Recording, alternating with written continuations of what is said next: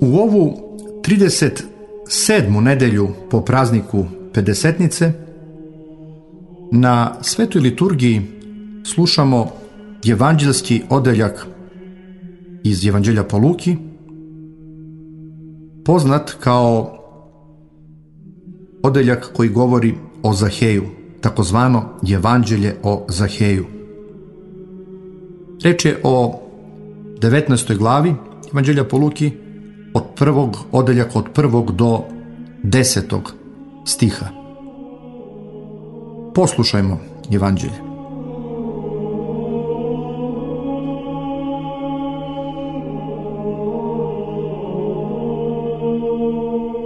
I ušavši u Jerihon, prolažaše kroz njega. I gle, čovek zvani Zahej, beše starešina carinika i beše bogat. I tražaše da vidi Isusa ko je on i ne mogaše od naroda jer beše maloga rasta. I on potrčavši napred pope se na divlju smokvu da ga vidi jer je pored nje trebalo da prođe. A kada Isus dođe na ono mesto, pogledavši gore, vide ga i reče mu – Zaheju, siđi brzo, jer mi danas valja biti u domu tvome. I siđe brzo, i primi ga radujući se. I svi koji videše negodovahu, govoreći kako uđe da gostuje kod grešnoga čoveka. A Zahej stadi reče gospodu, Gospode, evo pola imanja svoga daću siromasima, iako koga nečim oštetih, vratit ću četvorostruko. A Isus mu reče, danas dođe spasenje domu ovome, jer i ovo je sin Avramov, jer sin čoveči dođe da potraži i spase izgubljeno.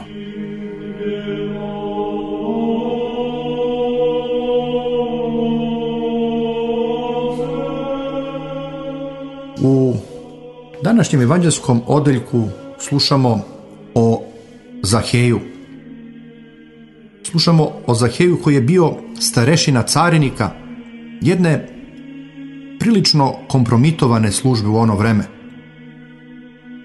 Zašto je to bilo tako? Naime, carinici su u ono vreme često uzimali veće poreze od naroda nego što je trebalo, te su se lično veoma bogatili. Sveštenstvo i narod su zbog toga prezirali carinike i smatrali su ih velikim grešnicima.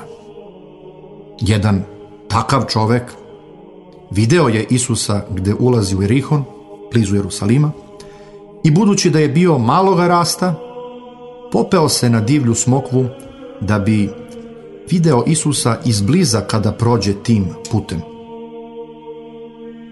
Isus je prepoznao želju i volju Zahejevu za promenom, za preobražajem.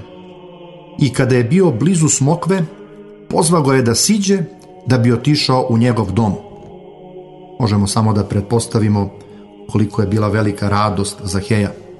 Zaista, njegove radosti nije bilo kraja. Njegova promena i preobražaj, istinsko pokajanje i prihvatanje Hrista vide se u njegovim rečima kada kaže spasitelju da će pola svoga imanja dati siromasima i da ako je nečim oštetio nekoga, budući da je bio carinik, vratit će četvorostruko, što inače više nego što nalaže i starozavetni zakon u takvim okolnostima. Isus mu odgovara da je danas došlo spasenje domu njegovom, jer je i on, Zahej, sin Avramov, naslednik Božih obećanja, bez obzira na grehe koje je činio kao carinik. Na kraju, Isus poučava da je sin čoveči došao da potraži i spase izgubljeno. Ove reči upućene za Heju svakako mogu i odnose se i na sve nas. Svi mi ljudi zbog svojih grehova imamo često previše odvojeni od gospoda. Jednostavno, čovjekov život posle praviteljskog greha taj poslepadni život jeste život u odvojenosti od gospoda. Opet, svi mi ljudi, ako imamo želju i volju za Hejevu, ako imamo njegov trud izražen u penjanju na smokvu i vraćanju onoga što je zakinuo drugima, kao i u nesebičnoj pomoći siromasima, dakle, ako mi imamo sličnu želju i volju da pokažemo svoj preobražaj, svoju promenu, svoje pokajanje delatnom ljubavlju prema bližnjem, onda i mi možemo da očekujemo da se spasitelje, spasiteljeve reči odnose i na nas. Sin čoveči dođe da potraži i nađe izgubljeno. Upravo zbog svega toga poučimo se zato od Zaheja značaju volje i želje za pokajanjem, za preumljenjem, za promjenom ne samo načina razmišljanja, već i promjenom našeg načina života. Ovo je važno jer to je naš prvi korak ka duhovnom putovanju koje je uskoro pred nama. Prvi korak ka velikom postu. Velikom postu za koji ćemo se još konkretnije spremati od iduće nedelje, poznate kao nedelja o Mitru i Fariseju.